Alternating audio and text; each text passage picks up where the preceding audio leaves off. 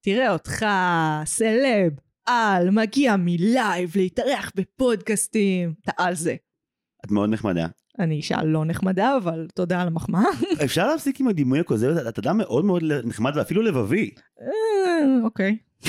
זה, זה נראה שזה מוריד מה, מה כאילו מהתפיסה שלך? בעיה של המאזינים? לא, לא, אני לא edgy ברמה הזאת, אני פשוט לא תופסת את עצמי כבן אדם נחמד. יכול להיות שזה עניין של אנשים, של מצבי רוח, לא יודעת.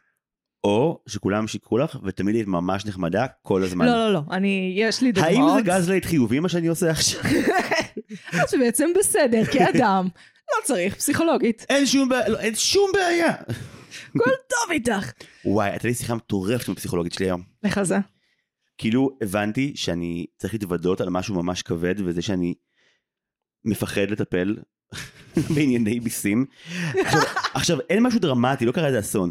פשוט כזה מין צריך להרגיש דברים. וכאילו דיברנו על זה כאילו אני מדבר על לא יודע על, על לבגוד באשתי או לרצוח בן אדם זה כאילו ואני לא יודע מה לעשות זה כבר בראש לי חודשים אבל אני לא יודע למי להגיד ומה לומר. וכאילו היא אמרה לי פשוט כזה תגיד אתה רוצה לספר לי מה אתה רוצה שאני אעשה? ואני כזה ש- עכשיו את יודעת ושנינו יודעים ואז אולי אני אעשה עם זה משהו והיא אמרה יופי כי ממש פחדתי שאתה רוצה לבקש ממני לפתוח את המכתב בביטוח לאומי ושנקרא אותו ביחד. היא הייתה כזאת חמודה אני מת עליה. נראה לך שזה חודש כזה, סביב ינואר, מתחילים לבוא אנשים שהם ספציפית כזה, תקשיבי, אני צריך לשלם מיסים. זה נורא מלחיץ אותי. איך אני מספר לאשתי? כן זה כאילו זה החטאים שיהיו לי עכשיו. כאילו גם הבנתי נגיד עם הפסיכולוגית שלי שקורה משהו מדהים אחרי שאתה מפסיק להיות אה, אה, בחיפוש אחר זוגיות. כאילו הקראשים שלך הופכים להיות מ- כן. מרומנטים לאפלטונים. כן, מה יש בינינו? מה זה? מה הקשר הזה? זה crush, פשוט crush של חברים כן, ולא crush של נכון, זוג. נכון. לא, אבל יש קראשים שהם יותר מבוססי תשוקה. לא, תחשבי שאתה כזה, נפגשנו פעם ראשונה לפני שנה וקצת. נכון, ישבנו בסלון שלך. נכון. פתאום דיברנו על טלוויזיה ארבע שעות ועוד לא נכון. הקלטנו. התאהבות אפלטונית, נכון. כן, זה מה שזה. נכון. וזה, זה ה- הריגוש החדש, ואני חייב לומר, אני fucking מת עליו. דיברנו לפני שבועיים על הטבח, אוקיי, החיפוש אחר תשוקה מינית נראה לי, כולנו הסכמנו שהוא מיותר בגיל מסוים, ובואו נתלהב מהאנשים, ולא. לא באיברים שלהם. אתה מקדים. אה, לא, אני עדיין מפרטטת עם אנשים ופשוט מיד מספרת על זה ליואל, אה, וזה הסוד שלי לריגוש בחיים. אבל כאילו זה משהו שאת יודעת, שאת אומרת למישהו משהו עם, אה, עם נימת פלירטוט, את מזהה, את אומרת, כן. "צריך- מעניין, מה, מה המשמעות של כל זה? תגיד, זיו, מה נשמע? וואי, טובה. הכל בסדר? יואל, יש פה דיבור שלא נראה לי שאתה תאהב וזה מוקלט. וואי, את טובה ממש בזה. אה, שנים של חוסר מימוש מיני. מה קורה, יואל? היי, אני מפלרטטת עם זיו. כן, היא ממש טובה בזה, תקשיב. לרגע הייתי כזה, מה טיב היחסים בינינו? אני גבר נשוי וזה מתועד. לא, אתה לא צריך לשבור אותו ברכיים, אנחנו וואי, צריכים אותו. בן הזוג שלך, מה זה לוקח אותי במכות? לוקח אותי. הוא גם אה, מורה, יש לו כעס של איש מערכת החינוך. זה כן. כעס אחר. וואי, אתה צריך למנות את סיגל כצ'מפיון? סיגל היום סיימה ללמד זייניקים ואז ישנה שעה ובאה להרצות בפלורנטין. זה מה שאני אומרת. היא ה-MVP. זה יהיה קרב מעניין, אנחנו נמכור כרטיסים, זה יהיה live בעצם של שני הפודקאסטים. וואי, יואל נגד סיגל. מי כן. נשאר ער אחרון? מתחילים בשבע בערב, זה ייגמר בשבע וחצי. מי שורד בלי קפה יותר זמן? וואי, כשסיגל חוזרת מהלימודים, אני צריך לפנות דברים מהספה, כי לא בטוח שתצליח להגיע עד המיטה מבלי לקרוס ולישון שעה.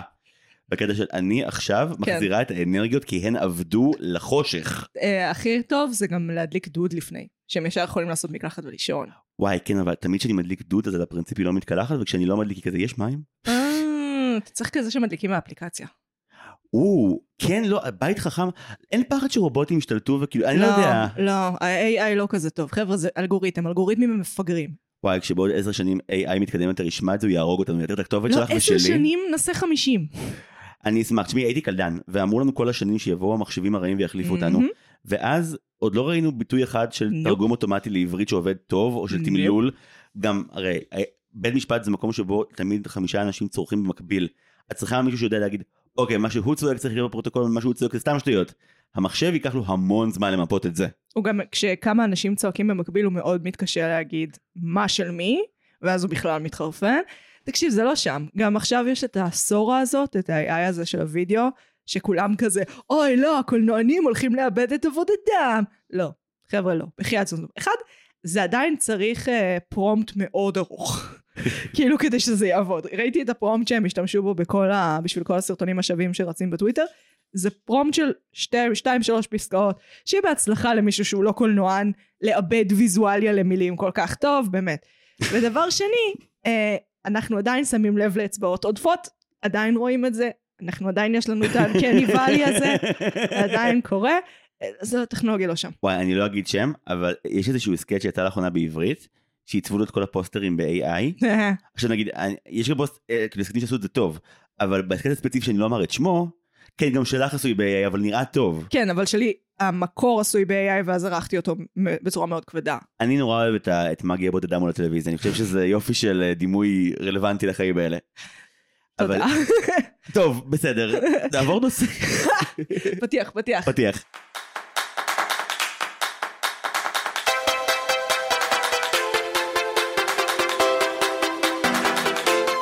אני מגי, היי, אני זיו. ואנחנו מרשם לבינג' פלוס זיו, נפגשות פעם בשבוע לשוחח על סרט או סדרה בהקשרים תרבותיים, פילוסופיים, אומנותיים, הומוריסטיים, דיגיטליים וכולי. אה, תעקבו אחרינו ברשתות החברתיות, במיוחד כי עכשיו ההעלאות לא בדיוק סדירות, ושם יזכירו לכם כשעולה פרק. מה זה הלא סדירות? פעם בשבוע וחצי אתם מעלה עכשיו. זה לא פעם בשבוע וחצי. אוקיי, אבל היי, מאזינות ומאזינים, איך האיכות עלתה מאז שמגי נתן לעצמה אוויר לנשום בין פרקים? אה? אה? כאילו, כן, יש לי יותר זמן לעשות בינג' חסר משמעות של האוס. או של עמוק באדמה. או ש... אה, כן, אבל זה לפרקים. פרק מעולה. תודה. נהניתי מאוד. תודה. גם כאילו, אני ממש שמח שאת ונעמה סוף סוף חברות, היה אמור לקרות מזמן לדעתי. אה, כן, אנחנו מאוד באותם ז'אנרים. היה לנו שיחה מאוד ארוכה על מגדר אחרי הפודקאסט, ואני כזה, אה, אה, מגניב. את מרגישה שזה פטרוני שכל פעם כשאני מגיע אני מתעקש לנהל איתך שיחות מטה על הפודקאסט שלך? לא. אני אני רוצה שמישהו ינהל את השיחות האלה פשוט פה, מין כזה, דברים קורים בהסכת, זה מרגש, הוא מתקדם, הוא לא, לא, מתפתח. אני, אני, אני אוהבת, אה, זה תגובות, זה ביקורת, זה אני מחוץ לבועה העצובה מול הטלוויזיה. כן, זה כזה, מגי פוגשת חברים. חברים, אנשים שמגיעים אליה לבית. תמיד זה כשאני מזמינה אנשים, זה כזה, יש את הרגע של כזה, אוקיי, תקשיב, אבל אתה צריך להגיע לפתח תקווה. והם תמיד לוקחים את זה לא טוב. לא, זה לא בדיחה אירונית, אני באמת גרה בפתח תקווה, תראה את הבית שלי, גם תבין למה אני גרה פה. אותן סיבות שכולם, כאילו, זה הכי זולה כי במרכז. זה בית ולא לא- קופסת גפרורים, נכון? כן, זה אחלה בית. אחלה בית. אני נורא נהנית. אז, זיו, מה כן. צרכת השבוע? אוקיי, בוא נעבור על זה זריז. אה, אצל המחלוקת פותחים עכשיו או אחר כך? אחר כך, נשאיר את זה לך. בסדר גמור. אה, מנאייק עומדת לסיים עונה מאוד כיף, עשוי כרגיל, מגניב ומותח וטוב. ועכשיו אני אוכל להגיע אליה, כי היא עומדת לסיים עונה. אה, אפשר כבר לרוץ על זה, ממש כיף. יופי. אה, תרגיע פתחה שני פרקים ראשונים, זה עדיין לא טוב כמו עונות 10 ואחורה, אבל אפשר לספר לך טיפה כאילו בקטנה? מהמם. זה לא ספוילר נוראי. כאילו כנראה שהעונה הולכת לכיוון שבו לארי עומד למשפט וכאילו ההתכתבות שקורית עם סיינפלד היא מאוד כיפית כי זה לא שהם חיכו לזה בפרק האחרון זה כבר התחיל. כאילו. וכולם תוהים מה הולך לקרות עם ההקבלה הזאת בדיוק כאילו האם כל כוכבי סיינפלד הולכים לבוא האם על הפרינציפ גם הוא ילך לכלא בשביל להגיד זין עליכם זה הסוף שבחרתי במקור וזה יישאר ככה לנצח. מעניין וכיפי. לך קשה עם זה נכון? אה, כן, חד משמעית קשה לי עם תרגיע. אני מזהה את הגאונות, אני לא... יש לי עיניים ואוזניים והבנה של תסריט. זה אכן גאוני.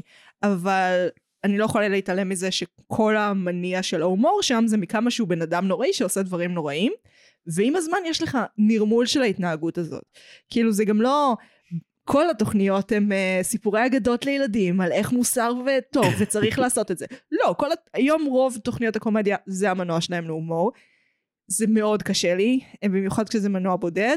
הקווי עלילה העונתיים בעיניי הם הכי מוצלחים. אה, לא, לאו דווקא הקווים פר פרק, ששם זה כזה, יש יותר טובים, יש פחות טובים, וזה באמת בעיקר המונמי כזה, הנה לארי עושה משהו שאף פעם לא חשבת שמישהו יעשה. היה קטע גאוני בפרק הראשון לעונה נדמה לי שלארי מוזמן אה, להתמנגל באיזושהי מסיבת תמורת כסף ומכירים לו כזה את האורחות החשובות. לאחת מהן קוראים ברוק והמארח קורא לה ברוקי. ואז לארי גם בא לקרוא לה ברוקי ואומר לו לא לא לא לא לא רק מי שמכיר אותה כבר תקופה וממש טוב יכול לקרוא לה ברוקי. ואז לארי בהיותו לארי כמובן רואה אותה ומיד אומר לה היי דר ברוקי.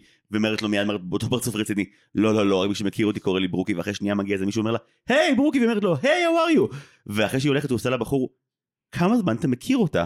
והוא עושה "אה, זה המסיבה השנייה שבה אני פוגש אותה. הוא אומר לו, אתה לא חושב שבתור פעם שנייה זה קצת חצוף מצדך כבר לבוא ולהעז לקרוא לה ברוקי? וכאילו, הוא נכנס שם לאיזשהו טירוף על זה, וזה כל כך כיף. שהמנוע של כל הבדיחה הזאת זה שהוא בן אדם נוראי והיא לא רוצה להרגיש איתו קרבה. אז הוא פשוט לא מצליח לעכל את זה שיש מישהו בעולם שלא רוצה את קרבתו, למרות שהוא לא רוצה את קרבתו של אדם אחר אף פעם. ומנגד הוא בקטע הזה לרוב לא תמיד צבוע, זה ניסוח עקום. הוא יותר מאמין לשקרים של עצמו כשהוא נותן לאנשים אחרים גינון. כלומר, אני מבין גינונים אם יש להם היגיון פנימי, אני לא מבין גינונים אם הם רנדומליים לאדם אחד ולאדם אחר לא. שונאים אותי, תגידו לי, אנחנו שונאים אותך, ואז אני אגיד, אוקיי, כאילו, ועבור הלאה. אה, אבל הוא פשוט תקוע בסיטואציה הזאת. זה גם יותר מצחיק על הקטע של אני לא מצליח להבין איך נהיים קרובים למישהו. כולנו היינו בסיטואציה שבה ראינו מישהו מישהו שנראו לנו מגניבים ואמרנו איך אני חבר שלו, ושום דבר לא היה הגיוני. אין לך, זה רמות כישורים, יש לך יותר כישורים חברתיים מזה, בן אדם. כאילו, זה לא... אלא אם כן אנחנו הולכים עכשיו על הלא נוירוטיפיקלי, יעני, או על הספקטרום, שזה באמת מהתיאוריות העצלניות ביותר בעולם לא, לא, לא, הטלוויזיה. תרגיע לא עוסקת בזה. תרגיע עוסקת באדם מעצבן עם המון פריבילגיות שיודע את זה ומוכן להתנקש בעצמו חזיתית על זה, זה ממש כיף. אה, אני שונאת את זה. קשה לי. אה, אם אני משווה את זה, שוב, למה אמרתי לקו העלילתי? כי נגיד, יש את העונה שהם... אה, הסכים שלרגל... אה, אשתו הסכימה שלרגל 30 שנות נישואים, משהו כזה, אז מותר לו לבגוד בה. באמת? כן, לא זוכרת איזה עונה זאת. והוא מחפש את... אה, אה, לא, בטח יש יש- יש לו פעם אחת והוא צריך לבחור טוב. בדיוק. הוא מחפש בכל, לאורך כל העונה מישהי המושלמת לבגוד, שגם תסכים איתו, אה, תסכים לבגוד איתו. קו עלילה שלם, שזה קו עלילה מעולה בעיניי. אה, אחד, כי זה תרחיש שכאילו לגמרי, זה יכול לקרות לכל בן אדם, הדבר המטומטם הזה. שמסכימים, שזוג מסכים בינו לבין עצמו שיש להם one off, ואז הגבר פשוט מאוד מתקשה למצוא מישהי לבגוד איתה. יכול לקרות להרבה אנשים. אה, ובגלל זה זה עובד. מבין? אם אני משווה את זה ל... לא יודעת, הוא גזר את השיער של הברבי כי הילדה ביקשה ממנו. זה היה כל כך מצחיק. אוקיי, אוקיי. הקטע שהמון פעמים נגיד cringe יכול להיות מאוד קשה. כן. גם כאילו היום נדבר על סדרה שבה ה cringe הוא למטרות שהן דרמטיות ולא קומיות וזה עובד אחרת עלינו מאוד. אתה עוקב אחרי ה cringe שקורה פה למולנו, בו הכלב המאוד זקן שלי גרר לפה את המיטה שלו מהחדר שינה, רק כדי שהוא יוכל לזיין אותה מולנו. אני חושב שזה סצנה קלאסית לאורי ואלה וזה אוהב הפרק הזה. לא, אין, עם. אין מלא שתיקות מביכות בין לבין. Uh, תורי. את ממש השתתקת כדי להביט בו במבוכה, ממש צייתת לחוקי הז'אנר. זה לא היה מספיק ארוך בשום צורה, זה לא היה חמש שניות תחת נוף עירוני מדכא. טוב, תורי. כן, רק אומר משפט אחד, ראיתי עם סיגל שתי עונות של Slow Horses, Mm. וזה אכן fucking מעולה. אפל, נכון? תראי, כן. כן.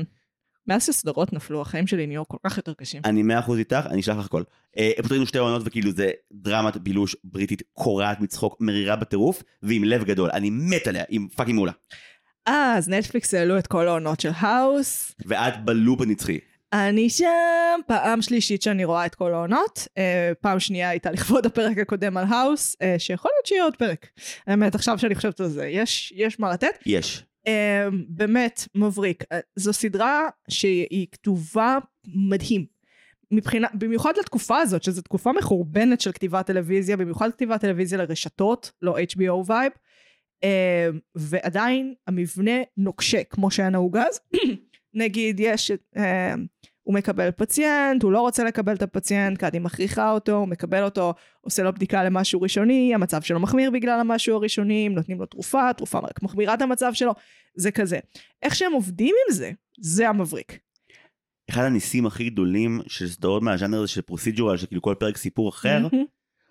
רק ממש ממש מעטות הפכו להיות באמת נפלאות ושמרו על הרמה רוב הזמן.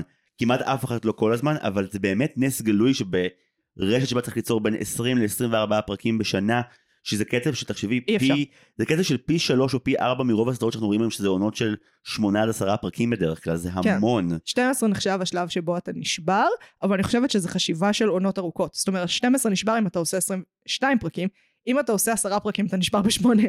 הנקודה היא שבגלל שאת צריכה לייצר כל שבוע פרק במשך הרבה מאוד שבועות, וזה. באמת גם בלי אוויר המון פעמים, יצרת כזה בנק של אולי שניים, שלושה פרקים, ואז העונה התחילה ואת רצה כאילו כמעט קרוב לשידור. ואין לך bible מספיק טוב, אתה לא יודע למה אתה חותר.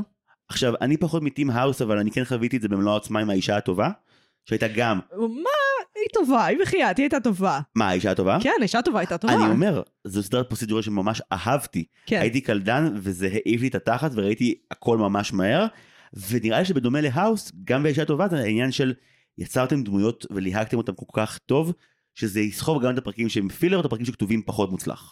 אתה יודע מה הדבר הכי מצחיק שהאוס גרם בסלון של הבית שלי? מה? יואל הרי הוא לא רואה איתי את כל הפרקים של שום דבר שאני רואה, כי פשוט אין לו את הסיבולת הזאת, הוא יכול לראות שני פרקים של משהו גג ונמאס לו. אני מזדהה עם החוויה ב-100% כי יש לי בת זוג שגם עלה הקפסיטי. אם זה לא אנימה, הוא קצר. מבינה לגמרי. בכל מקרה, אז אני, אה, יש לנו קטע לפעמים שאנחנו רואים טלוויזיה שהוא שואל אותי אם גבר מסוים נחשב חתיך. כי גברים אין להם, גברים סטרייטים, אין להם את היכולת להבחין אם גבר מסוים נחשב חתיך, ואז הוא שואל אותי אם בחורה מסוימת נחשבת חתיכה, כי אני אישה. כאילו, איך זה מהזווית שלי. מה שקורה בהאוס זה שהוא כל פעם שואל אותי, הוא חתיך, הוא חתיך, הוא חתיך, הוא חתיך, ואני כזה, יואל תקשיב, זו סדרה מ-2006.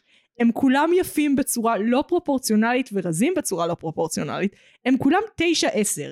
אין לי איך לדרג לך את זה. שזה משודר בתשע בערב לכל ארצות הברית, כן. זה חייב היה להיות ככה דאז. זה באמת די מחליא. אגב, אנחנו לא קופצים קדימה, אבל אני אגיד שהיו כמה ליהוקים באורי ואלה שהייתי כזה, וואו, בחיים לא נטוורק. בחיים לא היו מהמרים על זה ל-24 פרקים בעונה.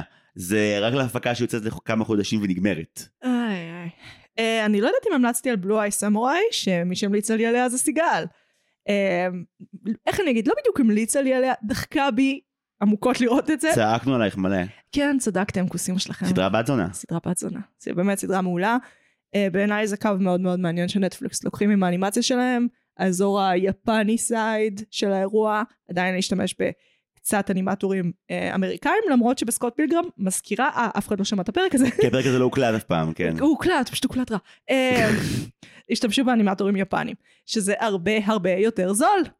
וזה אחלה פתרון לנטפליקס, כאילו מהבחינה הזאת. הם הרי קיצצו חצי מחלקת אנימציה, אם לא שלושת רבעי ממנה, ביטלו ערימות של סדרות, פשוט ערימות. Um, מעניין אותי הקו הזה, הקו היפני נראה, נראה איך זה יתקדם. הקטע שבלוי סמוראי מבוססת על כאילו חיים אישיים של היוצרת והיא כל כך טבועה בזה והכאב עובר בדמות וזה באמת לא כל יצירה שמתבססת על חיים אישיים שבן אדם מצליחה לגעת כל כך עמוק זה המון פעמים ניסוי וטעייה כזה. כן. ופה זה עובד לאללה. חבל הזמן, גם האנימציה מדהימה. בדוק. האם אפשר לגעת בסלע המחלוקת עכשיו? כן, סלע המחלוקת האחרון לפני שנגיע לסלע המחלוקת האמיתי, כמובן, אוקיי. 17 דקות פנימה. אז כל מי שלא ראה את הפרק האחרון של טבח 2 דלגו שתי דקות קדימה. וואי, זה כל כך לא ייקח שתי דקות. Uh, סוף סוף השלמתי, הם הצליחו לתת דיאלוג בפרק האחרון. השיחה בין אה, דורי לנמרוד? כן. איזה כיף. דיאלוג אמיתי, פעם ראשונה בסדרה הזאת לא נכון, לא נכון. סבבה, אמרתי לך, שורה, שתיקה מביכה, שורה, שתיקה מביכה, שורה, שתיקה מביכה, צילום נוגב של uh, תל אביב העצובה, סוף סצנה, זה לא דיאלוג. אני פשוט הרגשתי, שוב, ספוילר לפרק האחרון, אני הייתי בסקרנות מטורפת והיה לי סופר כיף, ואז בפרק האחרון כשהבנתי שהדרך היחידה שלהם אה, לא לגאול את, אה, את דורי אבל לתת לו איזשהו צעד אחד אחורה מכל הדברים המטורפים שהוא עשה, העונש שלו כביכול זה למחול על כבודו. כן אגב, אה, למרות שהוא בסוף אה, משתפן, ווין עצום לנמרוד שבכל ההתעללות של דורי עם העניין של להביא את הכלב ולהתחיל לרדת עליו בעקיפין, שבפרק 4 בעונה הזאת ראינו אותו לחלוטין מאבד את זה ונפטר כמעט, פה הוא פשוט יוצא מענץ', הוא מצליח לתת לזה לעבור לו מהצדדים, וגורי אלפי מביא אותה! גורי אלפי שחקן מעולה, הם הרבה מהם שחקנים מעולים. הבעיה שלי היא לא עם המשחק. נמרוד זה הדמות הכי טובה שהוא עשה. לא נכון. אני חושב בלק שמבחינת ספייס. בלק ספייס? כך קראו לזה? לא לא לא לא לא לא לא לא לא לא לא אין לא לו עין, יש לו עין הוא היה- מזכוכית, הוא היה הוא קשוח מקשוחית, הוא קשוח, הוא מציל ילדים. כאילו יש לנו אלף בעיות בתיכונים ואז באה בלייסיס ואומרת חבר'ה עוד לא היה פה school shooting כבר כזה כן רוצה לתת להם רעיונות לא, אנחנו לא חברה כזאת. אה, תחשוב על זה, אמריקאים זה חברה מדחיקה, הם לא באמת מדברים. אתה ילד שכל היום צורח ומתפרע בבית ספר, אף פעם לא מדחיק מספיק כדי לבוא עם נשק לבית ספר. הפודקאסט מבקש למסור את מלוא אהבתו לרשת 13 שנתקעה עם הודעה שנייה של בלאק ספייס עכשיו לא פשוט הם לא שידרו אותה לפני השביעי באוקטובר מסכנים זה גם, זה גם קורה לרשת כל הזמן לפני זה עשור וחצי מילואים שודרה והפרק הראשון של מילואים 2 שודר ואז חיל לבנון? כן פשוט פשוט נעצרה העונה לשנה ואז שודרה באיזה 10 בלילה. וזה היה סדרת פריים טיים מצליחה בטירוף זה פשוט תזמונים מחורבנים איזה זין איזה לא פייר וואי, זה כל כך מצחיק. anyway uh, אני כן תהיתי לגבי הטבח 2, מה קרה עם שרה בסוף? כאילו, נרא... היא היא בפריז? נשמע שהיא נוסעת לפריז, אם כי הם בכוונה השאירו את זה פתוח כמובן. טוב, נחכה שלוש שנים להודעה שלישית. בסדר. אמ, אני אני דווקא הייתי מהמרת יותר לכיוון השנתיים, כי זה יחסית להיט. אמרנו את זה גם אחרי שיס אישרו עונה שנייה בסמוך לסוף הראשונה, and well, חיכינו גם חיכינו. נכון, אה, נדמה לי שזה צולם, אחת מהן צולמה בקורונה. טבח אחד מן הסתם, אחת, אז כן, זה יחסית מהיר. אבל כאילו צולמה לפני, כאילו, לא בזמן הקורונה, אני זוכרת, כי היה להם הרבה הגבלות שם. זהו, גם הכניסו בפרק האחרון אזכור של זה ברדיו כדי להגיד, זוכרים? נאלצנו לסבול את החרא הזה בצילומים. הם גם, יש שני אזכורים לאורך כל הסדרה על ההפגנות. על מחאת קפלן. אה, הדמות של אה, תום אבני, מידד. כן. הוא המפגין הראשי. לא, יש פעמיים. יש את הפעם ששרה נתקעת בצד השני של העיר כהפגנות, נכון. והפעם השנייה זה שיש ברקע מין אה, שלטים כאלה. דמות- אה, היה עוד איזה פעם. שמישהו הלך ברקע עם דגל או משהו, אבל זה לא מרגיש שזה ייצוג מספיק... אה, בסדר. אני, זה, תקשיב, זה הגיוני תמטית, כי כאילו הם חיים במין בו- בועה הדוניסטית שכלום לא קורה בה, ותום אבני הוא כאילו לא הבן אדם הזה, מבין? בגלל זה הוא כן מחובר לאקטיביזם הפוליטי. כן מעניין אותי בהקשר הזה אגב שהטבח 2 הייתה גם אחת bingeable as fuck אפשר כן. לטוס את הדבר הזה זה כמו טריפ אחד ארוך זה ממש לא מה שאני חושב על אורי ואלה ברמה של בינג' נטו כאילו אה, זאת לא סדרה לרוץ טוב, רגע, רגע.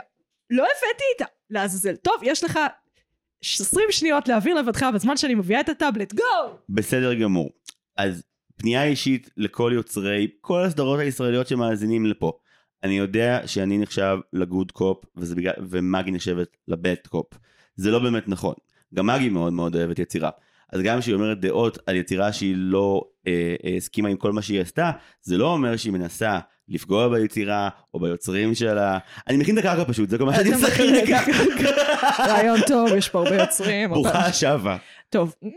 אז, אורי ואלה, טריילר! היי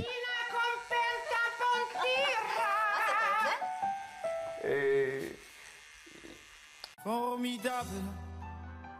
Formidable. יאללה, נו, בוא ניסע למלון. זה פורמידבל. חולה על היפה הזאת, חולה עליה. איך הולכים אלה? סבבה, נעים. כן, אה? אתה לא בן 25? צא מהסרט! אז אורי ואלה, או הארוחה המביכה והנורמטיבית הזאת, אה, מה אם הייתה זכאית בתמלוגים? היא סדרת קומדיה ישראלית. אמורה להיות, היא דרמה. מהי דרמה? בהגדרה שלה היא קומדיה, לא יודעת למה. הסדרה עוסקת באב אלמן ומוזיקאי בחלק של עזרי דפנה של חייו, ואלה, בתו של אורי ובחורה צעירה עם שלט הבת של אורי בתור אישיות ומקצוע. יחד השניים יפתחו קשר לא בריא מסוג תלותי ויעברו לקשר לא בריא מסוג פולשני. הסדרה נוצרה על ידי דינה סנדרסון, עופר סקר ויובל שפרמן שגם ביים. לסדרה הייתה עונה אחת ששודרה בהוט ב-2016 וכעת עולה לה סדרת בת בשם טיטו ורוחו.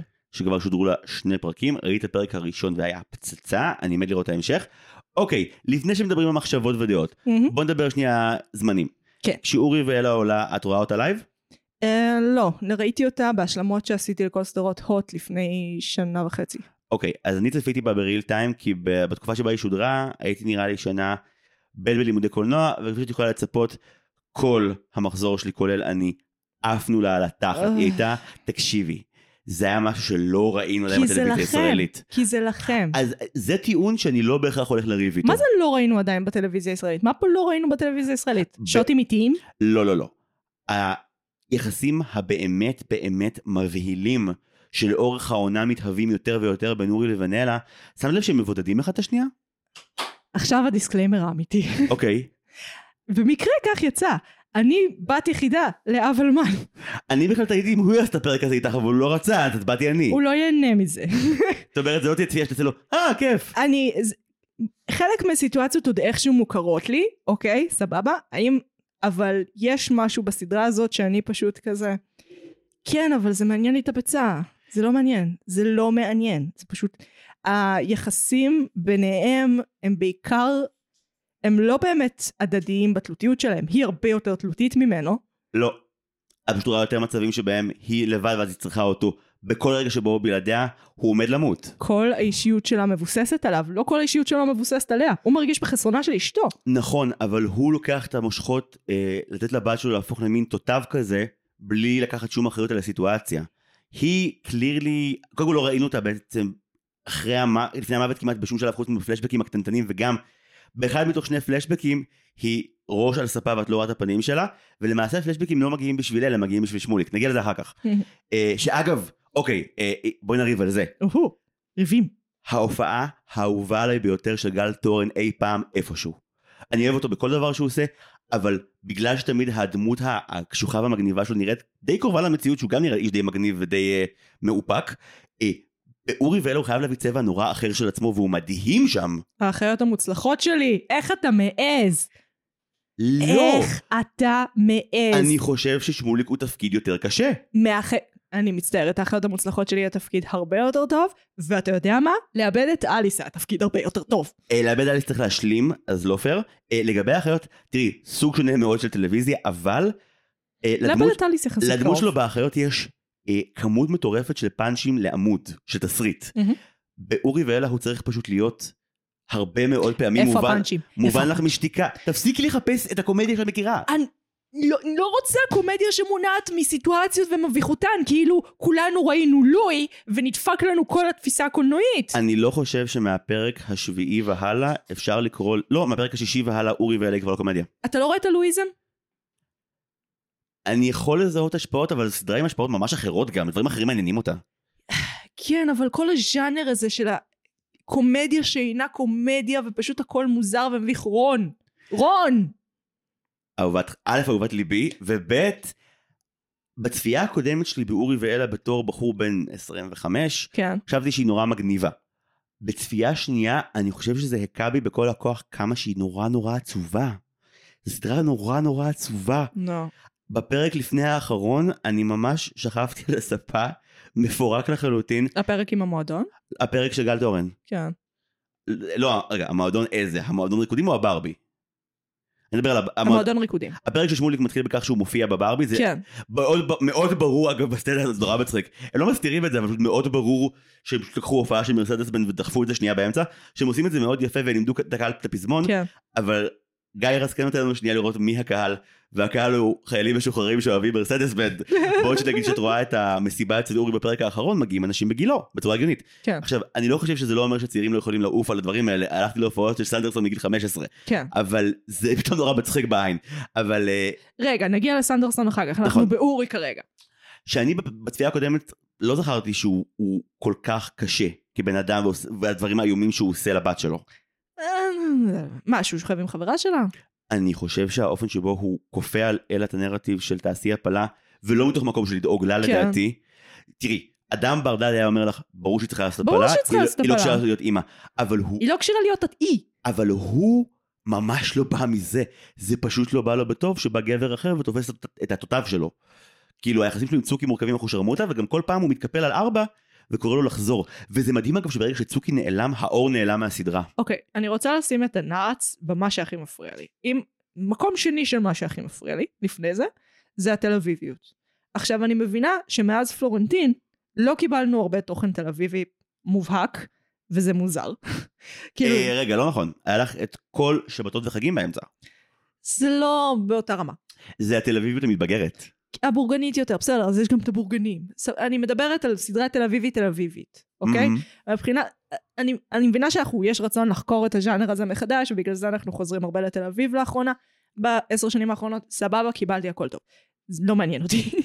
זה מקום שני של מה שהכי מפריע לי. מקום ראשון זה שאני חושבת שיש פה בלבול היסטרי בין premise לתמה. אה, בוא נראה אותי מסבירה את זה לאנשים שלא יודעים לא מה זה premise ולא מה זה תמה. premise זה, אם אני צריכה לתאר בקצרה את העלילה של מה שקורה. יעני, אפשר גם לקרוא לזה elevator pitch, שזה אני מסביר למפיק שתפסתי במעלית לשנייה על מה הסדרה. Uh, כאן זה uh, אלמן טרי uh, ומוזיקאי מפורסם, uh, בקשר לא בריא עם בתו הלא מתפקדת, uh, יאן גדולט. נגיד, אני באזור, זה בערך הפרמיס. אמ, אוקיי. אוקיי. התמה, באופן די סדיר, אני הצלחתי, לה- נראה לי לפחות שהתמה הייתה, היא דיברה על אה, בעיות דוריות. על העובדה שהדור שלנו הוא לחלוטין תלותי בדור שמעליו בגלל החוסר תפקוד שלנו, בגלל החוסר יכולת שלנו לק- לקלקל את עצמנו, בגלל האינפלציה, בגלל מיליון דברים. והבלבול בין שני, לא הר- הרגשתי שהסדרה הרבה פעמים פשוט נוטשת את התמה שלה, והיא כזה, לא, לא, לא, אבל היחסים הספציפיים בין הבת לאבא שלהם הרבה יותר מעניינים. fuck it, תזדיין התמה. אה, אוקיי, אז עזבי שאני לא מסכים עם הכל. אה, לכאן, אה, לשם כך התכנסנו. אני, אני גם אסביר למה אני לא מסכים עם הכל. קודם כל, בעיניי, לא גאון גדול בלהציג תמות, אבל אני הרגשתי שאורי ואלה מדברת קודם כל ולפני הכל על, על התמודדות עם אובדן ועם אבל, ועם אבל לא בריא. אה, כשהפרמיס הוא באמת שהיחסים בין האבא לבת הם מאוד מאוד בעייתיים, כש... אני מסכים איתך שזה מתחלק לשניים. כאילו בחצי הראשון הם מאוד, הם, הם בעיקר מאוד מקנאים אחד לשנייה, ומאוד חוסמים, הם, הם כאילו קוק בלוקרים פסיכיים אחד לשנייה. אחד הרגעים הכי יפים בפרק האחרון זה שכאילו... זה מהימן אגב. Hmm? החלק הזה מהימן, את אומרת, בתחקיר צדקו. אה, אני ספציפית חותמת על החלק הזה, כן. אה, סיפור מצחיק שלא מתאים לפודקאסט הזה, בבקשה. אם אתם קטינים, בבקשה, בבקשה סעו מכאן. הרגע גרמת לכל הקטינים להגביר, אבל בסדר, אוקיי. אה, יצ... אה, אבא שלי פעם אסף אותי עם מי שהיה אה, חבר שלי לשעבר שעדיין ניסיתי לח... לגרום לחזור אליי אה, והסיע אותנו לאנשהו באוטו הוא התחיל לשאול אותי האם אני צריכה שיקבעו לי תור לגינקולוגית אם יש לי איזה שהן בעיות שם למה הוא לא האורח בפרק הזה? למה אני פה?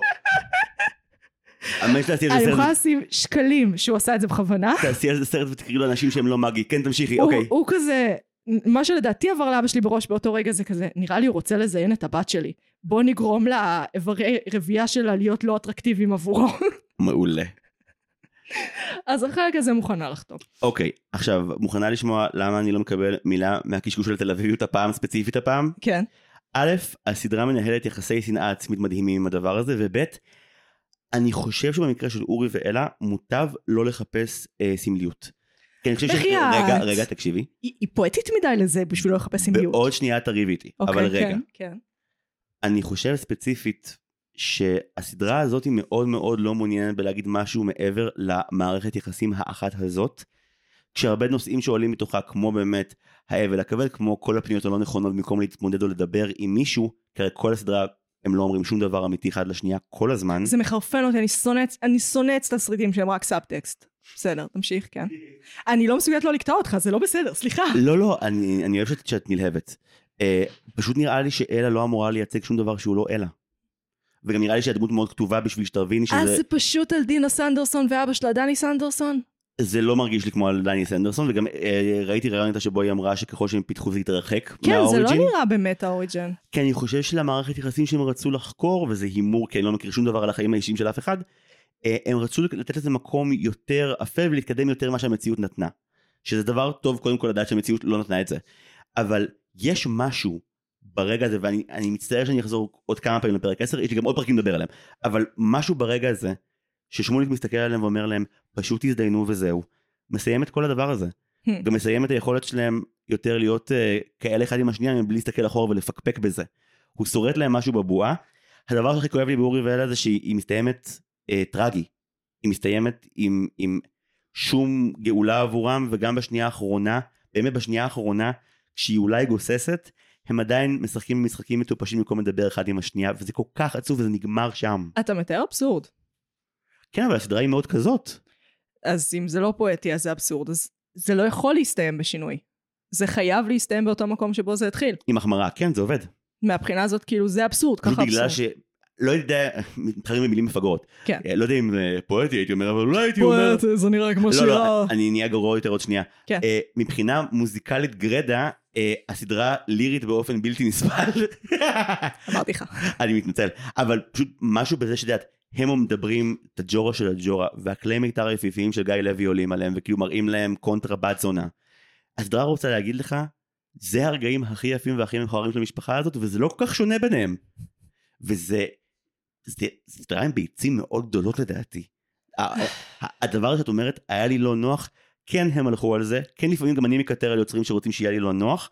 משהו באורי ואלה מרגיש לי שהוא חייב להיות עד כדי כך קשה, כדי שתרגיש את זה קשה כמו שהיוצרים של זה הרגישו ברגעים המחורבנים יותר. אין לי בעיה עם לא נוח. יש לי בעיה עם לא נוח בלי שאני מסיימת עם, עם משהו.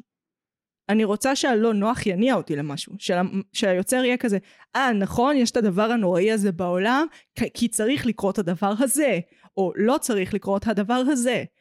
יש לי איזה מסקנה. תמה. אני חושב אבל שתוכל לקבל אותה באחרית דבר של הסדרה בפרק האחרון, שבצפייה ראשונה הייתי אה, מתוסכל ממנו. הוא היה מהיר, וחצי מהדברים שהיו בו נועדו באמת לייצר דווקא איזשהו אבסורד ולהחמיר מצב רגשי ולא לקדם עלילה, כן. והוא הוא מסתיים בעצם שמפסידים הכל, ונראה לי שבגיל 25 ממש שבע. לא... לא, עוד בת 27 לדעתי. לא, לא, אני הייתי בן אה, 25. אתה היית בן 25, אוקיי. לא יכולתי לקבל את זה כסוף רע, אז סוג שהדחקתי אותו. וראיתי אותו ממש הבוקר, את הפרק האחרון שאמרתי לבוקר, וזה היה מין כזה, כן, אני כבר לא יכול שמקליטים אותי לשקר לגבי זה, זה סוף נורא נורא עצוב. וכאילו, הוא גם ממשמע את כל הסדרה בתור, בואו תראו מסלול הידרדרות בלתי נמנע שנגמר מה בתקיעות. הידרדרות בזה? מה הידרדרות? זה לא הידרדרות, זה זה- מעגל. תראי, יש לך חצי ראשון של עונה שנועד להראות לך שזה הידרדרות. כי גם לגיבור שלך וגם לגיבורה שלך, פגומים ככל שיהיו, יש הזדמנות לקשר, בשני המקרים זה קשר שהוא דודג'י, אבל להם, לאנשים שהם, הוא יכול לעשות מאוד טוב ומראים לנו את זה. טוב, בוא נפסיק לריב שנייה על האיכויות של הסדרה ונריב על משהו אחר. מה אתה אומר אם הייתי אומרת שזה ניסה להיות קומדיה רומנטית? אני חושב שהוא הוא מאוד בכוונה מתחיל עם טרופים של זה כדי להגיד לך, הייתי רוצה לראות קומדיה רומנטית על זוג שהוא אבא ובת, ו- ושתרגיש את הצריבה בסוף המשפט. אבל זה בעצם קומדיה רומנטית שהיא שלוש קומדיות רומנטיות, כי יש לנו את הקומדיה הרומנטית בין אבא ובת, uh, ויש לנו את שתי הזוגיות, שהן ממש מתחילות, לפחות אחת מהן, בצורה מאוד קומדיה רומנטית. כן, ממש נותנים לנו עם צוקי ואלה אה, משהו קסום. גם אני לא זכרתי עד כמה פבלו רוזנברג טוב, הייתי בשוק. פבלו רוזנברג הוא מעולה. הוא fucking מעולה. כאילו, אחרי שראיתי את הפרק הראשון הייתי כזה, או השני, הייתי כזה, אה, ברור שהוא קיבל ספין-אוף, כאילו זה טירוף. וגם, הדמות הייתה מאוד פופולרית, כן. וגם ברור שהם לא קיבלו עונה, ש- שהם לא רצו לעשות עונה שנייה, של, הם קיבלו הרי, אבל הם לא רצו לעשות עונה שנייה של אורי ואלה, כי זה לא סיפור שנועד להמשיך. כן. האם אנחנו צריכים לדבר על הצהוב שלה מאחורי הקלעים, או שזה יהיה מוזר? לא. לא? אני חושב שמדובר לנתח יצירה, ולא את הרכילות סביבה. אוקיי. כי אם זה, באלמנט החמישי עשינו את זה, אני רק אומרת. כן, אבל אני חושב, אוקיי, פעם מבקרי קולנוע מהנדע כתבו משהו נורא יפה, הם כתבו, כשאני כותב ביקורת על מישהו שגר בשכונה לידי, אני יכול להיות מנומס ונחמד. אני לא צריך לשקר, כי זה המקצוע שלי וזה האמינות שלי, אבל איפה שהיצירה נגמרת, גם הביקורת שלי נגמרת, אני לא פה בשביל זה. אוקיי, קיבלתי. למרות ש... ש... אם זה היה לוק בסון הייתי עושה את זה, רק אומרת. אם זה היה לוק בסון, הוא לא מבין עברית על הזין שלי. בדיוק. אני לא חושב ואין שזה... לו צ- זמן לפודקאסטים. הוויכוח אם זו צביעות או רגישות יכול להתנהל עוד נצח. אני חושב שאנחנו בני אדם ככה. בסדר, זה גוגלבול, תגגלו, הכל טוב. נחזור לסדרה. בבקשה. הצילום, אחי. אני אוהב. למה? קודם כל היה להם אתגר מאוד גדול. כן. תחשבי שכאילו הסדרה מתרחשת בחורף נצחי, כן, בתל אביב שהיא מקום מאוד שכון, כן. יודעת מה הטריק שהם עשו כדי לגרום לה לראות חורפית? פילטר? המעצבת אה, שונית אהרון יחד עם גיא רז הצלם עלו על הטריק של אם נפזר המון המון עלי שלכת יבשים על הרחוב, ואז נצבע את העיר בצבעים יותר נוגים, אתה תרגיש את המלנכוליה גם אם זה בולשיט. Hmm. וזה עובד פה כמו קסם! הם צילמו בקיץ? גם כשאת מצלמת בחורף הישראלי, את לא יודעת אם תקבלי חורף הרי, זה סיכון. כן, אבל זה אומר שהם צילמו צילומי חוץ עם מעילים.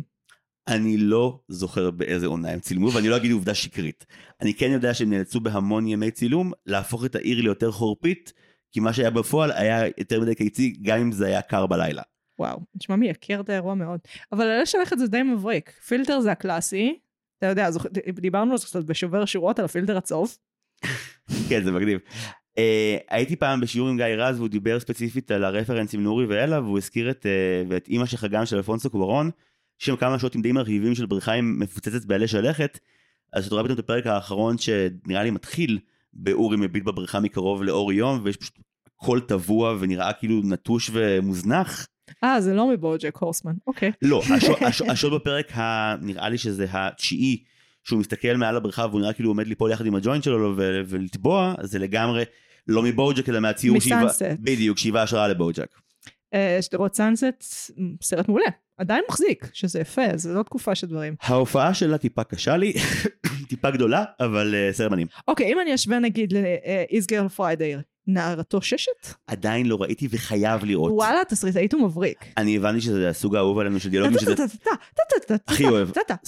סורקינית לפני סורקין. זה, זה סורקין על כאילו כל הסטרואידים הזמינים במקסיקו ובגואטמלה ביחד מוזרקים לתסריט. חייב להשלים את זה. באמת חייב להשלים את זה. אמ, וואי, למה? בוא נחזור לזה. בוא נחזור לסורקיניזם. אני לא...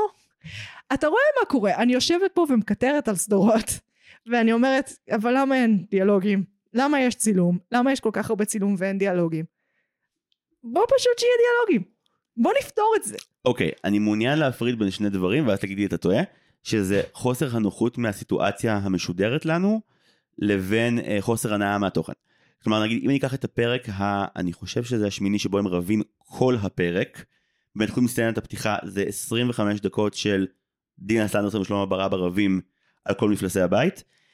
אה, לאבלי, מיסס מייזל. וונדרפול? לאבלי? מרווילס. אה, יש שם סצנה מאוד ידועה. אורי והעלה איתה קודם, אז בכל מקרה. כן, מה לעשות. אה, אז- מעניין, דווקא יכול להיות השראה, כי אורי ואלה כן נמכרה לשוק העולמי, נמ- נמכרה ל-HBO Go. את חושבת. שאימי גנבה את זה? וואו. יש הבדל בין גנבה לרפרנס, אנחנו מפריעים כל הזמן. אני מאמין שיש עוד דברים כאלה שהם לא אורי ואלה, אבל הפואנט... בילי ואייליש רפררה לנוגה ארז, כאילו, אוקיי, כן. את סובלת מהצפייה בזה כי זה כואב ברמות של טרלול והם כל כך נוראים אחד לשנייה. זה עשוי מדהים, זה פשוט סיוט. גם בוג'ק סיוט, הוא מניע אותי למשהו. בוג'ק מפסיקה להיות מצחיקה בעונה חמש, כי היא מורידה חצי ממינון הבדיחות, מהמם. ומהרגע הזה פשוט פחות אהבתי אותה כמו הילד בן ארבע שאני. מהרגע שזה לא היה מאוד מצחיק, אלא קצת מצחיק ומאוד עצוב, הייתי כזה, או...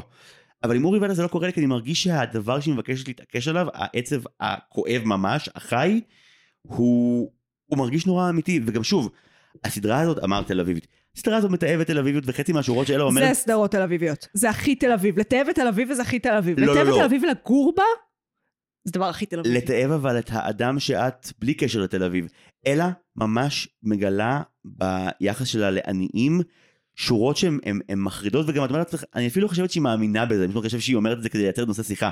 אבל יש לה כל כך הרבה באמת... וואי, הלכת רחוק, ידידי. לא, מה, היא מדברת על זה מלא. יש כמה סצנות לאורך הפרקים, ראיתי את זה עכשיו כל השבוע, שאלה ברגעים לא נוחים פשוט פותחת על מיעוטים בקטע של להרגיש יותר טוב עם עצמה. גם הסצנה המחרידה, או שזה הקווי עלילה שיש לה רצים בראש, ידידי. אני חושב שהיא באמת אה, נורא נורא אומללה, וכמו כל האנשים שנורא נורא רע להם, פשוט מחפשת מישהו יותר מסכן ממנה כדי להרגיש טוב. היא אומללה כי אבא שלה יש כסף, כי אבא שלה עשיר, או כי אמא שלה מתה. היא אומללה קודם כל כי אימא שלה מתה, וכי היא לא מצליחה למצוא שום עצמיות, ואבא שלה רק הופך אותה לאימא שלה במקום להתמודד איתה. איך אתה... חוזרת לביקורת מספר אחת שיש לי על כל, כמעט כל תוכן באשר הוא. אם אני הייתי מגישה את התסריט הזה, היו זורקים אותי מכל המדרגות. זה בלבול מטורף בתמות. היא לא החליטה. אין פה החלטה. את חושבת שעכשיו מנהלת תוכן בהוד מקבלת הצעה ואומרת, לא, לא, לא, התמות שלכם בבלאגן, זה תגיד לא לזין שלהם. היא תגיד לא הבנתי מה רצית. היא תגיד לא, אני לא מבינה מה את רוצה להגיד לי. אה, בריאיון שהיה איתם, אז טינה סנדרסון סיפרה שכל הזמן בהוד שאלו אותם, אוקיי, אבל איפה האדג'? איפה האדג' שלכם? כאילו, תחשבי שהסדרה הזאת. לא יודע איך היא הוגשה בהתחלה, נתבקשה שוב ושוב להגביר את האדג'יות שלה, צפיתי השבוע, וואלה היה מאוד אדג'י, הם הגיעו לאיפה שהוד רצו. אוקיי, לא הבנתי, מה הם רצו?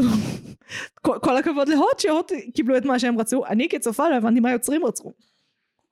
אני יכול להבין איך זה מתסכל לראות אה, פעם אחר פעם שתי דמויות לא מקשיבות אחת לשנייה, לא, זה לא... לא זה, זה לא זז. אה, זו סדרה שלא החליטה, היא נוגה, היא אבסורד, יש דיאלוגים, אין דיאלוגים, זה על תל אביב, זה עליה, זה על האורבניות, זה על בעיית דורות, זה על להתאלמן, זה על לאבד אימא, זה על מודל באופן כללי, על מה fucking הסדרה, על מה היא. התמודדות שגויה עם אבל. לא ברור, הכי ברור, לא ברור, לא ברור. ונחשף לאט. לא חושבת שזה מספיק ברור. אני חושבת שהם התפזרו. אני באמת חושבת שהם התפזרו. ולעזאזל עוד פעם אני מלכלכת על יוצרים ישראלים בפודקאסט המזדיין שלי. בעיה. לפחות הם שמעו על הכלב מזיין מיטה. אני חושב שאולי ה... העובדה שיושב מישהו מולך ובאופן מעצבן מתעקש לומר שזה היה טוב למרות שלא נהנית, פשוט נותן לך את האנרגיה שאת לא רוצה שתהיה לך של הנה כל מה שמכעיס אותי. בדיוק. אני מבין לליבך, ועם זאת fuck you סדרה מצוינת. אה, לפחות אתה פה, לפחות אתה פה. אם אתם לא מעסיקים אותי, תעסיקו את זיו, הוא סבבה. לא, לא, לא, זה לא קשור לזה. פשוט, את אומרת הם התפזרו, אבל המבנה כל כך tight. יש לך, המבנה לא tight. יש לך חצי ראשון שעוסק ב... אם הם לא היו אנשים רעים, הנה העתיד המופלא שיכל אולי להיות להם. כי כמה שכנרת דפוקה בראש, היא מתאימה עבור אורי. היא מה שהוא צריך באותו רגע, וגם אחר כך וגם ניכר, זה הקומדיה רומנטית פארט. אבל זה לא כל כך איך שקומדיה רומנטית עובדת. היא לא כל כך סדרה של מיטקיוטים, ממש מראים לך שהוא פוגש אותה כשהיא שיכורה וצורחת באולם זה קולנוע. הכי מיט קיוט. זה לא- זה מיט קיוט עם כאילו, אתה יודע, עם איזה טייק. לא, הטון מנסה לומר לך, אה, זה הרבה יותר נורא מבדרך כלל, כי במציאות דברים הם חרא. אז כאילו, הוא מכיר בחורה חמודה, גם מתאים אותך בצורה כזאת יפה עם ליאורה ריבלין, את בטוחה שזה הולך לשמה. לא, לא הבחורה החמודה בשורה מלפניו, הבחורה המטורללת שכל העולם קולנוע שונא. זה זאת תהיה. על בת 35. שמשחקת את הדמות של התפוקה מעולה. רמת האי נוחות שהרגשתי מהדמות של כנרת הייתה מטורפת. כן, זה- זו דמות שהייתה כתובה באופן היא הרבה יותר היחידה יציב. שגורמת לך להרגיש יותר אי נוחות מאלה. היחידה. לא, צוקי, בחייאת. אני מרגיש בנוח כל זמן שצוקי בפריים. באמת, שהוא מגלה שהיא בהיריון והוא מתחיל לשמוח שם, אימא להקרינג', הוא כזה מתוק. זה לא מתוק. ברור שהוא צריך לשאול אותה, ברור שהוא צריך לדבר עליה במסעדה ולהכריז עליה בפני כולם. אבל בניגוד לשאר הדמויות, האיש סיפח אותה למשפחה שלו, פשוט הוציא הודעת סיפוח, הלאמה, על או- האירוע. אוקיי, וזה לא רומנטי בטירוף?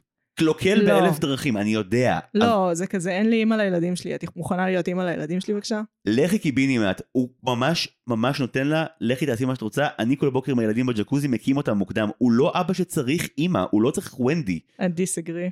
הוא ממש ממש ממש טוב במה שהוא עושה, הוא פשוט חסר טקט וחסר מודעות הוא בצורה מגדל שם. ערימת נעוריי, על מה אתה מדבר?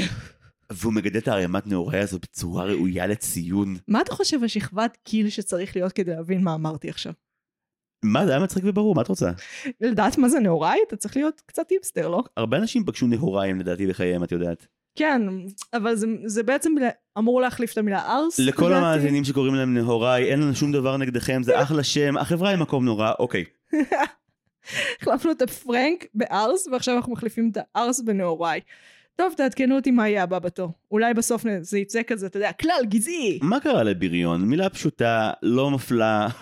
ברית הבריונים, זה בעייתי בהקשר הציוני. למה? בריונים עדיין כורתים בריתות נראה לי, זה בסדר. כן, אבל זה כאילו של ימנים. על מה הפרק הזה? אני לא האל. יודעת, אני מסתבכת עם אנשים הפרק- שונים במדינה. הפרק הזה הוא על מנסים לנהל שיח על סדרה שהצדדים השונים חושבים עליו דברים הפוכים, כרגיל. חד משמעית. טוב, טיטו ורוחו, לאן אתה חושב זה ילך? אני, אני בפרק אחד ואין לי מושג. ראית? אני לא צופה בשידור ליניארי. זה אתם לא תחקיר תחזירו. לפרק. אתם לא, תחזירו אותי לשם. אני ראיתי את הטבח לא בבינג' ואני כועסת.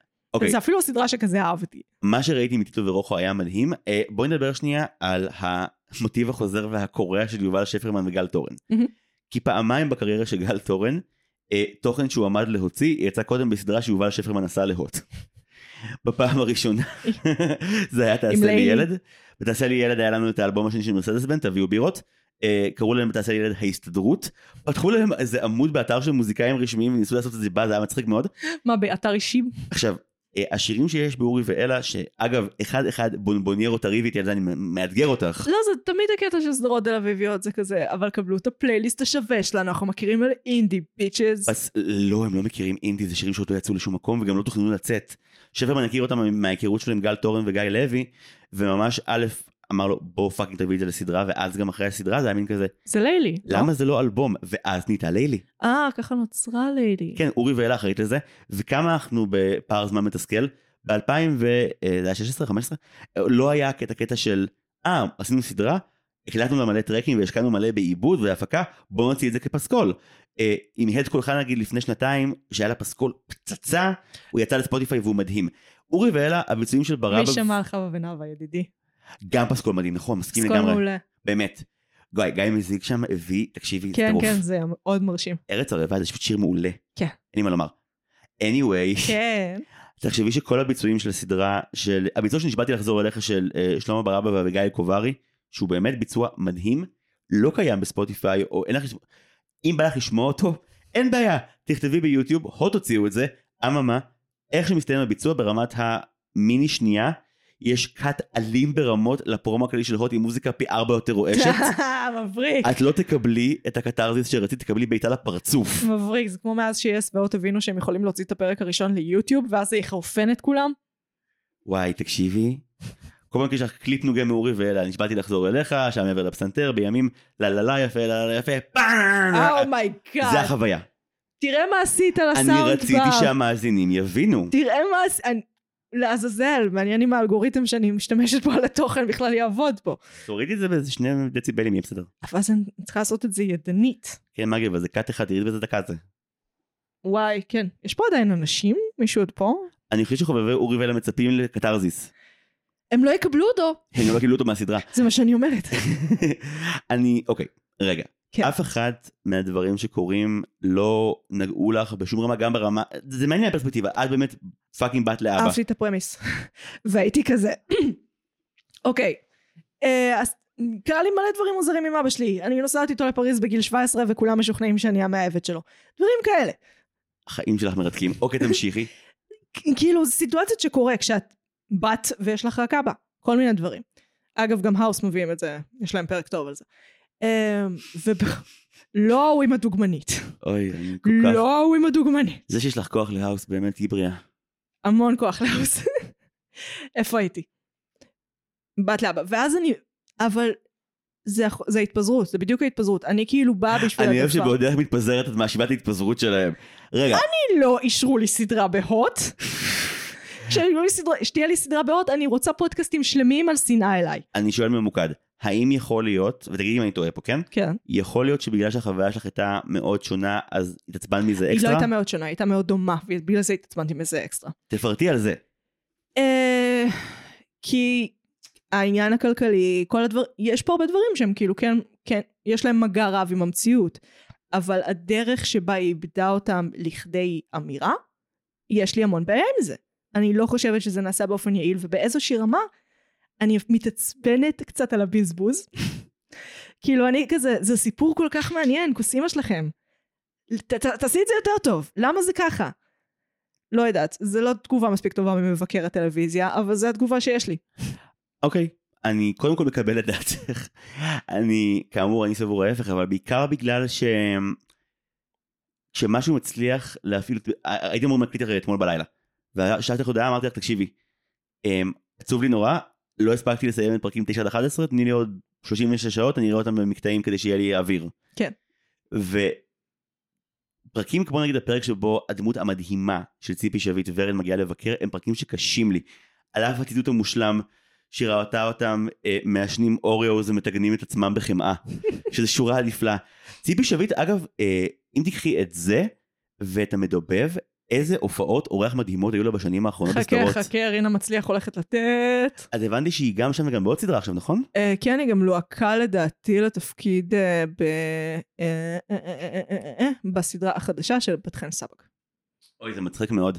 אה, יש שם דמות שנקראת מגי המכפופה. נראה איך זה ילך. תואם למותג, אני בעד. כן, אבי החורג עבד כעורך בחדשות ערוץ 2 מלא שנים. אשכרה. כן, רונן עבד שם המון זמן, והוא תמיד היה חוזר ואומר שרינה קורעת.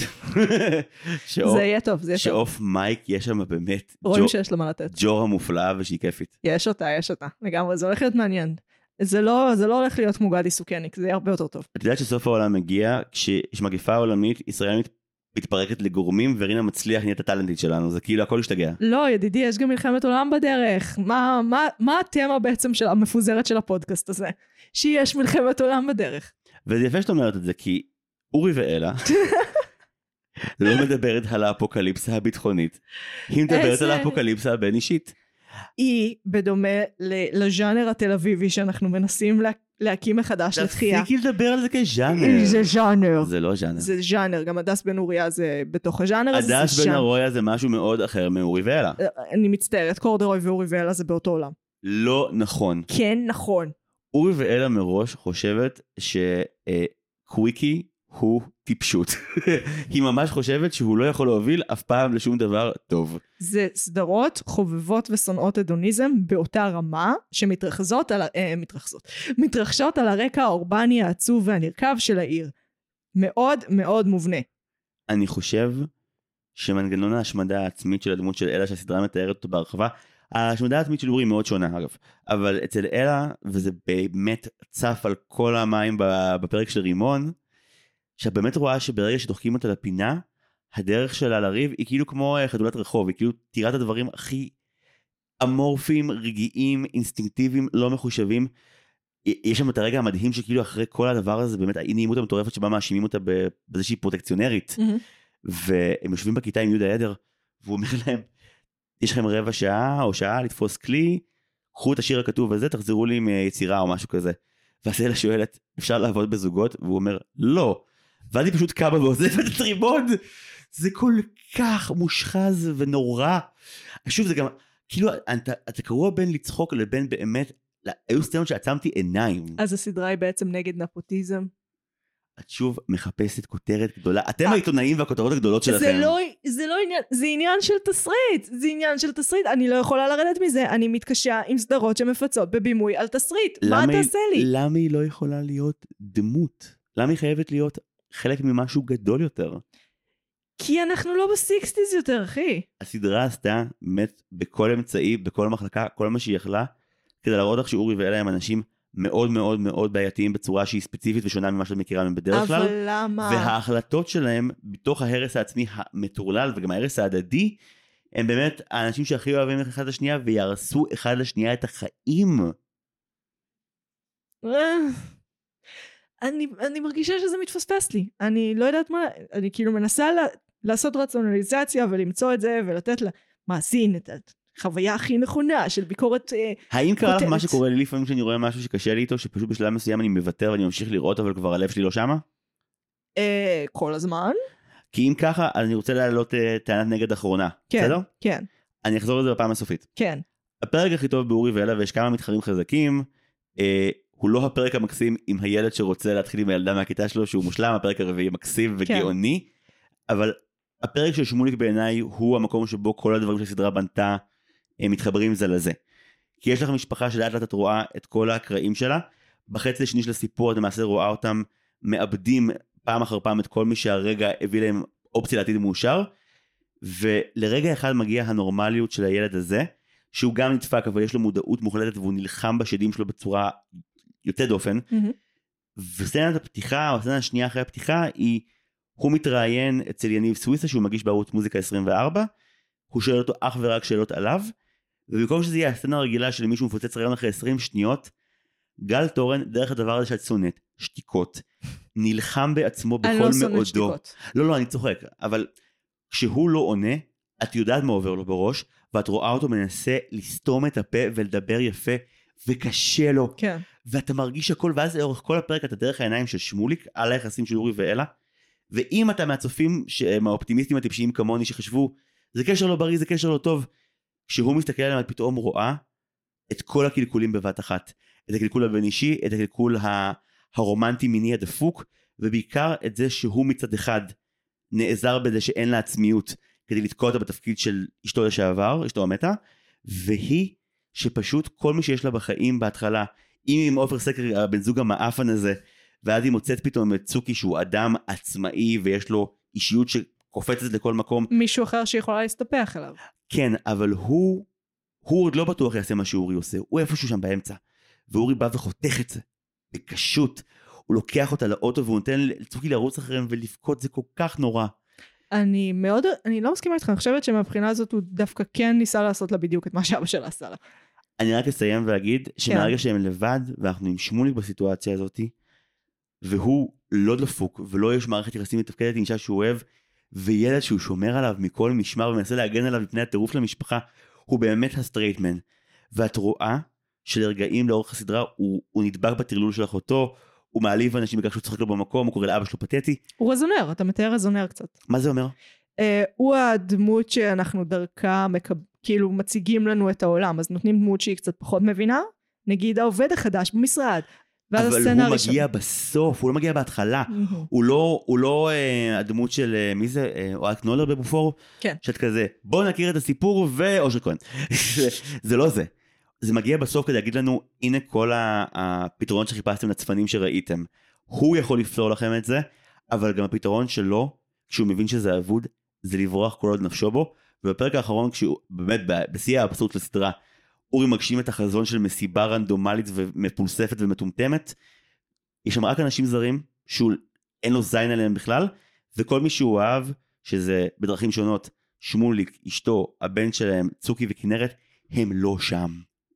זה אובדן מוחלט, ולכן לסדרה דווקא לדעתי יש מסלול מאוד ברור, שנגמר בהתרסקות, אבל עם רגעים אחרונים של יופי, כי היא אף פעם לא הייתה רק על החרא.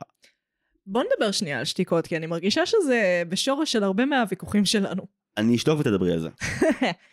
אה, אני מגיעה מלימודי תיאטרון, ואתה מגיע מלימודי קולנוע. אני, יכול להיות שיש כאן עניין תרבותי. היי יואל. נכון שיכול להיות שיש כאן עניין תרבותי, בסופו של דבר. אה, כי בתיאטרון, שתיקה זה משהו שקודחים לך שוב ושוב, שצריך להרוויח. אתה לא יכול להטביע את השיחה בשתיקות, אתה לא יכול לקנות רגע משמעותי בשתיקה. אתה לא יכול, במקום שיהיה פה רגע משמעותי, אני שם שתיקה. זה משהו שהוא צריך להיות מורווח, הוא צריך, צריך להשתמש בו מאוד בקמצנות, אה, והקולנוע מאוד אוהב את השתיקות. הוא, הוא הרבה פחות אה, עם יד קמוצה על השתיקה. איזה טוב זה להק את גל תורן לדמות ששותקת הרבה. לא אומרת דמות ששותקת הרבה, יש הבדל בין דמות ששותקת. אני יודע, אני יודע, כן, לא גם, תשמעי, דורי ושמוליק הם דמויות הפוכות, כן, אה, עם אותו שחקן. אבל בשניהם יש את הקטע הזה של, הנה שחקן שכשהוא שותק יש לו המון כוח במבט וזה עובד. להקים מישהו אחר לדמות זה לא יעבוד גם אם זה כתוב בן זונה. זה להתבסס על ההופעה של השחקן, שזה משהו שאתה לא אמור לעשות. אתה חייב גם לעשות את זה. זה אקסטרה, אתה לא יכול, שזה, אתה לא יכול להיות שזאת תהיה המנה המרכזית, זה לך- הכל בצד. יש לך אלף דוגמאות גם בקולנוע, גם בטלוויזיה וגם בתיאטרון על שחקנים שזה נכתב עבורם מראש בהיכרות עם חתך הדיבור והאישיות שלהם וזה נכון. פרח. נכון, ובכל זאת. אז נראה לי שבסוף אפשר לסכם את זה ב... אני חושבת שצריך לנהוג בשתיקות בקמצנות, ואתה חושב שזה כלי מעולה שצריך להשתמש בו המון. אני חושב שביצירות מסוימות אה, זה עובד עליי בצורה מדהימה וביצירות אחרות זה לא מזיז לי את קצה הזין. מה שאני חושב ספציפית, אני מצטער שאני בן זונה, אה, אה, משהו ספציפית, ב- נגיד, אלה היא דמות שהשתיקות שלה הן מאוד מאוד מוערכות כי הן מעטות. נכון. אחד הרגעים שאלה שותקת בהם וזה הלם גדול, זה כשאורי מעיף את כנרת. כן, אבל הטקסט שלו הוא ברובו בבלת. היא, רוב הסדרה אורי לא אומר את מה שהוא מרגיש, בקטע שגם חוסר תקשורת עם עצמו גם בצורה קשה. היא לא אומרת, זה מה שאני אומרת, בבלת, זה, זה טקסט שהוא סאבטקסט, רק סאבטקסט. לא, לאלה המון פעמים בין המונולוגים שלה נאמרות אמירות נכונות לחלוטין בין אמירות שגויות מאוד. כן. מדי פעם היא קוראת את התמונה בצורה בהירה, גם אחד האפיונים המצחיקים שלה שהוא הוא מעצבן אבל הוא חכם, כשאלה מרגישה חלשה, היא מתקנת אותך על עובדה. נכון. Don't you can relate? אה, לא, זה לא סוג שלי של אליטיזם. לא, את גם מתקנת בחיבה ולא ברוע. לא, אני אוסיף עובדה. אתה יודע, אבל גם שככה וככה. אלה היא דמות מאוד מאוד חכמה, שאם היה לה תקשורת גבוהה עם עצמה, היה לה חיים מדהימים גם בלי קשר לאבא שלה. לא, אבל היא לא תפקודית בשום היא צורה. לא תפקודית במצב שבו אנחנו פוגשים אותה. היא לעולם לא תתפקד. היא, כל, היא תלויה בכל האספקטים של החיים שלה באבא שלה. היא תלויה בו כלכלית, היא תלויה בו אה, איש, אה, אישית, היא תלויה בו מבחינת בית, היא תלויה בו בכל הרמות. היא לעולם לא תתפקד. אבל כשמראים לך סוף סוף את אימא שלה, מראים לך שהיא לא הייתה ככה. שהיא הייתה ברזל, שהיא נלחמה איתה על השטויות שלה, שהיא לא קיבלה גחמות שלה. את מקבלת את הסיפור, וגם לא אומרים לך את זה על ההתחלה, שהאימא הזו כבר לא שם כדי לרסן את זה, ואלא בהתפרצות רגשית שאין אף אחד שיגיד לה סתמי את הפה. הסדרה אומרת, רגע להבהיר, כן. אנחנו לא סבורים שאם מישהו מתפרץ רגשית צריך להגיד לו סתום את הפה. אלא ספציפית, כי הסדרה היא ספציפית, עצות לחיים. היא דמות מזיו. שמדי- היא דמות שמדי פעם צריך ל... זו אלה, זה לא סימבולי, תמשיכי. אני בשום צורה לא זוכרת איפה הייתי. אמרת משהו רע על הסדרה כנראה. כוס אימא שלי, למה? למה? זה אתה, אתה מכריח אותי לקחת סדרות שאני יושבת פה ומלכלכת על יוצרים ישראלים שנותנים את זיעת אפם אני לוקח בשביל סדרות יצירה שאני ישראלית. חושב שהן יפות ושמון מה לנתח בהן ולהעריך את העשייה שלהם. ואני אגב- יושבת פה ומתלוננת על צילום ושתיקות. אוקיי, אפשר לדבר על זה שהמשחק בן של זונה? המשחק תמיד בן של זונה בסדרות האלה, בעיניי זה מפצה. בעיניי זה מפצה. אני לא יכולה... אני, אני לא ברמה הזאת של אוריינות, אין מה לעשות, אני מחפשת משהו יותר. אני לא יכולה להיות כזה, וואי, איטלי טירן סקסי שהוא עושה את קיטל, איזה יופי. סובו לא כתב פה ביצירה מדהימה בכלל על משמעות השואה. אוקיי, אבל לאה שבת מדברת ארבע דקות על גמירות, מה את צריכה יותר בחיים שלך? זה כל כך מצחיק. שלא תבזבז לי ארבע דקות מהראנטיים היקר מאוד שלך בשביל הגג הספציפי הזה. לא, לא, לא. את קודם באת ואמרת והרסת הכל לעצמך, שכל הסדרה מנסה להיות, את אומרת רומקום, אבל זה רומקום שממש הופך למחזה אבסורד. כן. ובמחזה... כן, זה- זו המסקנה שהגענו אליה. וגם הדיאלוג, לא, שהיא נכונה. הדיאלוגים לאורך הסדרה נהיים יותר ויותר על כלום אצל הדמויות שכבר איבדו את זה לחלוטין. בהקשר הזה, יש לך גם את הסיטואציה המופרכת עם לאה שבת, ואת הדיאלוג המקביל המדהים עם רמי ברוך, בכולם השיח הוא בעיקר קשקשת. אגב, צריך לומר, רמי ברוך בהתחלה בא אל, אה, אל ברבא בדיבור אמיתי של אתה איבדת אישה, אני איבדתי אישה, שלמה ברבא, אני לא בא איתך לשום מועדון אלמנים, כאילו, מנסה להיות כאילו אלמן מתנשא זה קורע. זה קורע וזה קורע לב בו זמנית. כן, למה, למה? הכאב. אוקיי מגי, ממה אנחנו נפרדים היום? וואו, יש כל כך הרבה... דברים. לעזאזל. אמ... לא יודעת. מהמאזינים, כי מי רוצה... כן. אה, את נפרדת מהתקופה שהשירים של אלה היו השירים של אורי ואלה? מעולם לא היו השירים של אורי ואלה. היא, אין, היא לא מספיק משמעותית כדי שאני אזכור אותם בהקשר של שמענו סצנות. אותם ב repeat איזה שנתיים עד שהאלבום כי יצא. גלגלצ. לא, כי הלכנו ליוטיוב וספגנו את ההלם מהוט בכל פעם אה, בסוף. אה, אתה הקדמת בשנתיים, נכון, אני ראיתי אחרי, אנחנו לא באותו timeline. לא, לא, לא, אני ראיתי משבוע לשבוע, היה מדהים. אתה בממד אחר של זמן. גם שיחות על כלום צריך להרוויח, אתה יודע. ואת לא אוהבת סיינפלד, בושה. אבל גם אותם צריך להרוויח. ממה עוד נפרדים?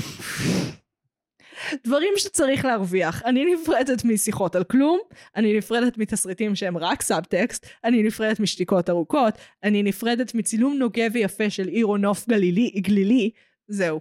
ועכשיו הלכתי להתאבד כי אף אחד לא יעסיק אותי יותר. בפרק הבא, שאני אבוא מתי שזה לא יהיה, חודש, חודשיים, שבוע, שבועיים, נבחר משהו שמראש את יודעת שאת אוהבת, כן. אני גם אראה, ויהיה לנו כן. שיחה אחרת, אוקיי? ואני לא פשוט אשב פה ואשמיץ תוכן. לא, זה ה cliffhanger שבו את אומרת, האם יצליחו אי פעם שוב להסכים על משהו, אבל הפעם הבאה יהיה ריאיון מרגש וניקח תוכן ששנינו אוהבים, ואז יהיה כיף. או, נכון, זה תמיד כיף, איזה כיף היה. ולכל. מי שלא ראה את אורי ואלה, תראו, זה עצוב ממש. כן, אה, אני מצטערת אם שמעתם את זה לפני שראיתם את אורי ואלה. ממה אתה רוצה להיפרד? אני המון שנים נורא קיוויתי שיהיה sequel ישיר, ואז קיבלתי ספינוף שהוא הרבה יותר נכון אה, זה וחכם. יותר נכון, זה יותר נכון. לא, והסיפור שראינו באמת, שמחתי לגלות שהוא הסתיים, הסתיים נורא, אבל הסתיים נכון לא כנראה, ובואי נגלה מה קורה, איזה כיף. אני מעריכה את הבחירה הזאת, אני חושבת שזאת בחירה נכונה. אה, נראה מה אני אחשוב על הסדרת בת, אבל אני חושבת שזאת הדמות הנכונה לקחת לספין אוף, הרעיון של ב- בפני עצמו הוא מאוד נכון פה. החלטה יפה. אני גם הייתי מקבל אה, את העונה הרביעית של רון עם החבר של אלה בתור הרון החדש, אני חושב, אם בא לך להיפרד ממשהו שאשכרה הם עשו שהיה מבריק וגם את הולכת... וואי, אל תגרום לי לפתוח על רון, לא, אלוהים. לא, לא, לא, אני אתן לך משהו שאת תאהבי, אוקיי? כן, אה, הנה משהו אחד חמוד לסיום. כן. אה, כשהם בחרו את ה art לאורי ואלה, אז הם הבינו שכדי לגרום מההתחלה לצופים להבין שהבן זוג של אלה הוא באמת שטיח קיר חסר כל ערך, הם הלבישו אותו באותו הצבע של הספה שעליה הוא יושב. הדמות פשוט נטמעת ברקע ברמת חוסר חשיבותה לעולם. כשיש מלא subtext, ה art, תפאורה, התלבושות, העיצוב, תמיד עושים המון כיף. המון כיף. פשוט רעיון מבריק. כן. טוב, זה היה הפעם, נכון? זה היה פעם, זה היה פרק של מרשם לביץ', תראה שבוע הבא. ביי שלום. ביי ביי.